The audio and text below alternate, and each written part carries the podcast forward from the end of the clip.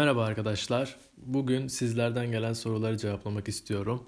Sizin sormuş olduğunuz sorulardan bazılarını seçtim. Kağıtlara tek tek yazdım. Sonra bu kağıtları güzelce bir karıştırdım. Şu an önümde masada duruyor bu kağıtlar. Neden kağıtlara yazdım diye soracak olursanız hani bunu yaparken birazcık eğlenmek istedim. Karşıma çıkan soruyu böyle bir anda görünce hani direkt aklıma gelen şeyleri söylemek istedim. Önceden çalışmış gibi olmasın ya da anlık hissettiğim şeyleri söyleyebilmek için.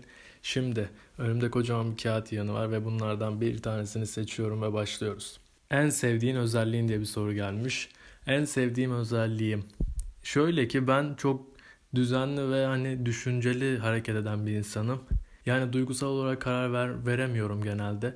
Daha çok böyle bir olay olmadan önce o olayın hani sonunda ne olur gibi düşüncelere dalıyorum hani.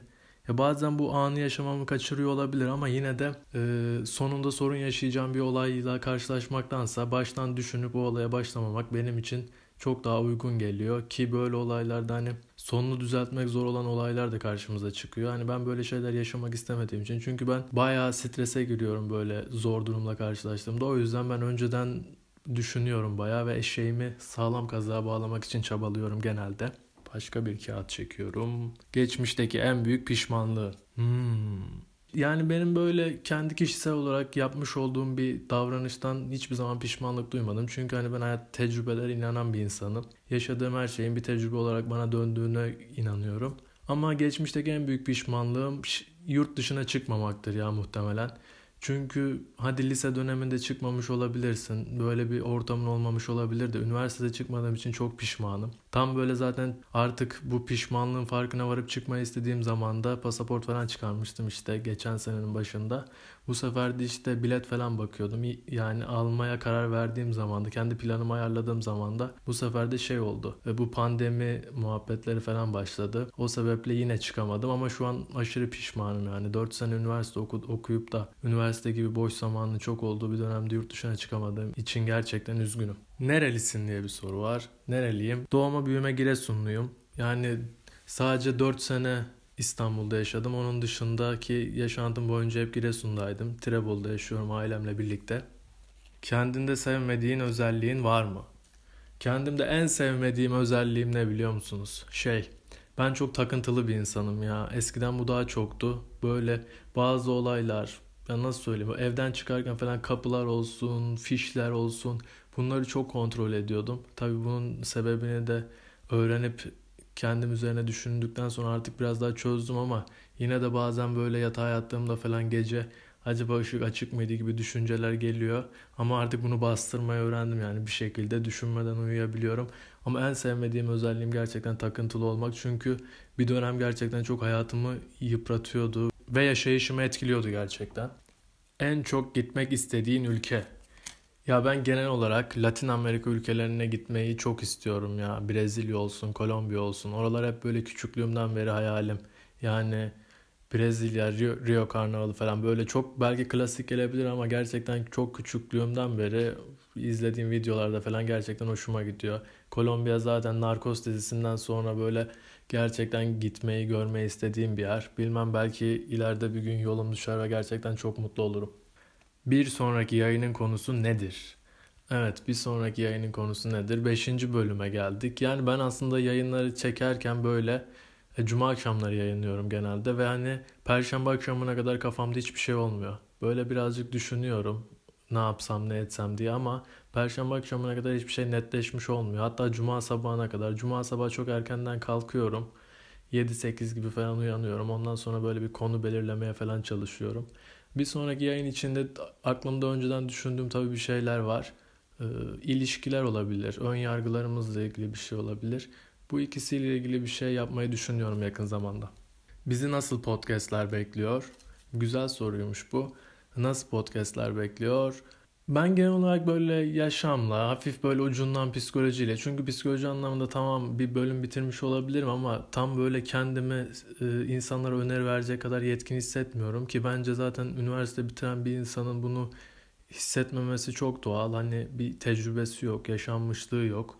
Yani bu sebeple e, psikolog arkadaşlarımla olan belki görüşmeler, böyle belli bir konu hakkında konuşmalar çekmeyi istiyorum. Yani bu olabilir. Belki hocalarımla. Yani genellikle böyle bazen soru cevap tarzı şeyler yapmak istiyorum. Bakalım. Neden psikoloji okudun? Yani psikolojik danışmanlık okudum. Aslında onun hikayesi şöyle. Liseye gittiğimde zaten 10. sınıfta eşit ağırlık seçtim. Eşit ağırlığı seçtikten sonra gidebileceğim bölümler bayağı bir azaldı zaten. Eşit ağırlık bölümünde en yüksek puanla gidebilecek ya da iyi, iyi olarak görülebilecek bölümler belliydi. Hukuk, psikoloji, PDR. Ondan sonra ben bütün ter, yani psikolojiye karar verdim. Psikoloji gerçekten hoşuma gidiyordu. İnsanları dinlemek, ilgilenmek ve hani psikolojiyle ilgili sohbetler dinlemek de gerçekten ilgimi çekiyordu o zamanlar YouTube'da falan. Bütün tercihlerimi psikoloji yaptım ben neredeyse. Hani tutacak tercihim de gerçekten psikoloji gibi görünüyordu sıralamaya bakarsak. Ondan sonra ya da bir PDR eklemiştim. Psikolojik danışmanlık çıktı işte tercihimde. Ama iyi ki de psikolojik danışmanlık okumuşum diyorum. Çünkü hani bence biraz daha bana tecrübe kattı bu bölüm. Yani güzel bölümümden memnunum. Hiç böyle geriye dönüp de pişman olmadım. Keşke psikoloji ya da daha farklı bir bölüm okusaydım diye. En çok arzuladığın şeyler ne ve bu arzuların sonunda tatmin oluyor musun? Yani şu anki dönemimde en çok arzuladığım şey mesleki anlamda kendimi geliştirmek ve gerçekten mesleki anlamda iyi bir yere gelebilmek. Bunu çok istiyorum. İkinci soruya geçecek olabilirsek ve bu arzuların sonunda tatmin oluyor musun? Hem oluyorum hem olmuyorum aslında şu an. Olduğum nokta şu ki mesela ıı, birkaç eğitim alıyorum ve bu eğitimler gerçekten bana hani o akşam gelse de bu eğitimi alsam tarzında hisler uyandırıyor. Gerçekten çok seviyorum psikolojiyle ilgili eğitimleri ya da kendi, kendime kattığım tecrübeleri. Tatmin olmadığım nokta şu ki mesela bir sürü iş başvurusunda bulunuyorum. Sürekli mail atıyorum sağa sola. Burada canımı sıkan nokta şu. İnsanlar çok nadir dönüyorlar bu maillere Dönen insanların da iletişimi böyle pek hoşuma gitmiyor. Bazıları gerçekten çok kibar bir şekilde dönüyorlar ama bazıları işte yanlış dönemde mezun olmuşsun tarzında böyle benim iştahımı azaltacak şeyler söylüyorlar ve bu beni gerçekten üzüyor yani mesleki anlamda. Keşke hani daha dikkatli olabilseler bu yeni mezun insanlara karşı söylediklerinde. Seçim şansın olsa geçmişte mi yaşamak isterdin gelecekte mi? Ben tamamen geçmişte yaşamak isterdim ya. Çünkü ben böyle eski yerler, tarihi tarihi mekanları görmeyi çok seviyorum ve hani teknolojiyle yapılan şeyler çok ilgimi çekmiyor ama böyle eski tarihi kalmış şeyler daha çok hoşuma gidiyor. Mesela bir kafeye gitmeyi bile tercih ettiğimde böyle eski ortamı yansıtacak kafeler daha çok hoşuma gidiyor. Böyle modern yerler çok hoşuma gitmiyor. Beni sıkıyor açıkçası. O yüzden kesinlikle geçmişte yaşamak isterdim. Onur Köse aşk hakkında ne düşünüyor? Aşk nedir? Hmm. Yani şöyle ki ben aşkın sürekli olarak devam ettiğini düşünmüyorum.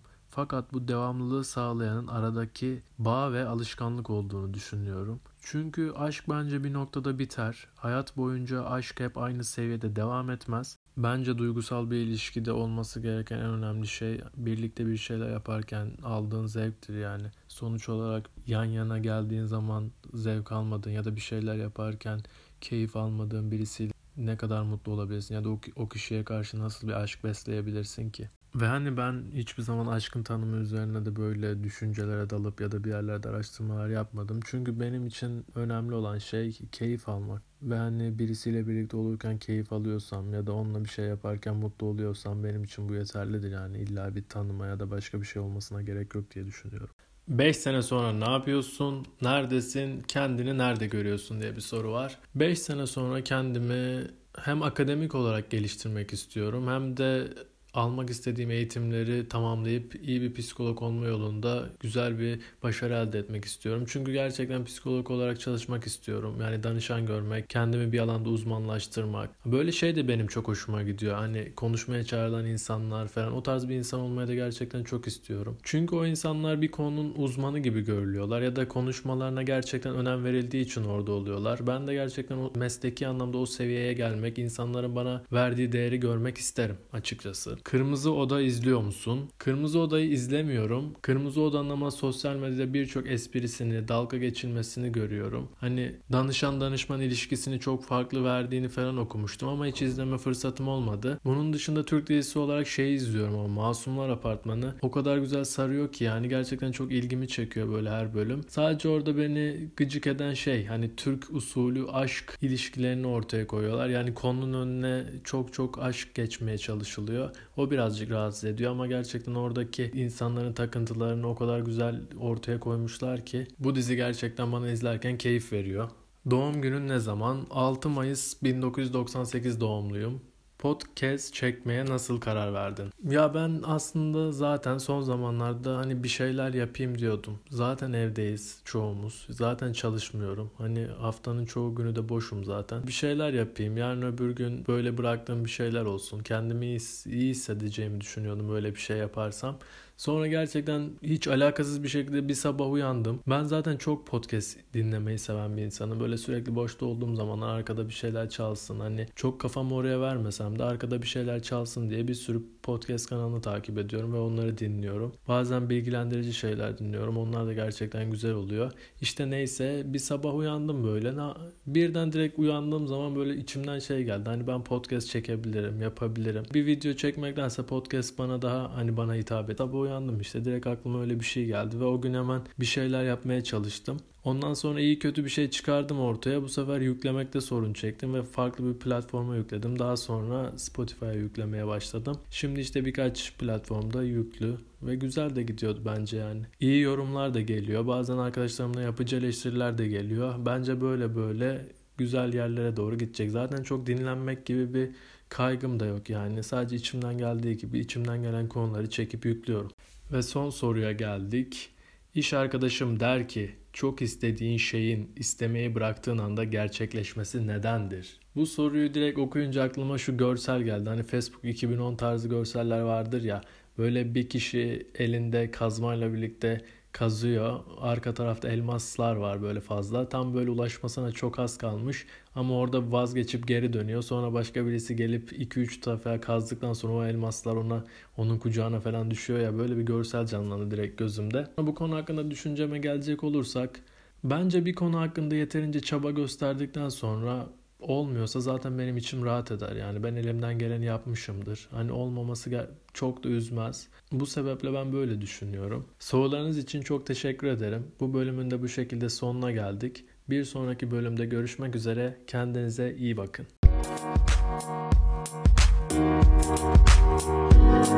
Müzik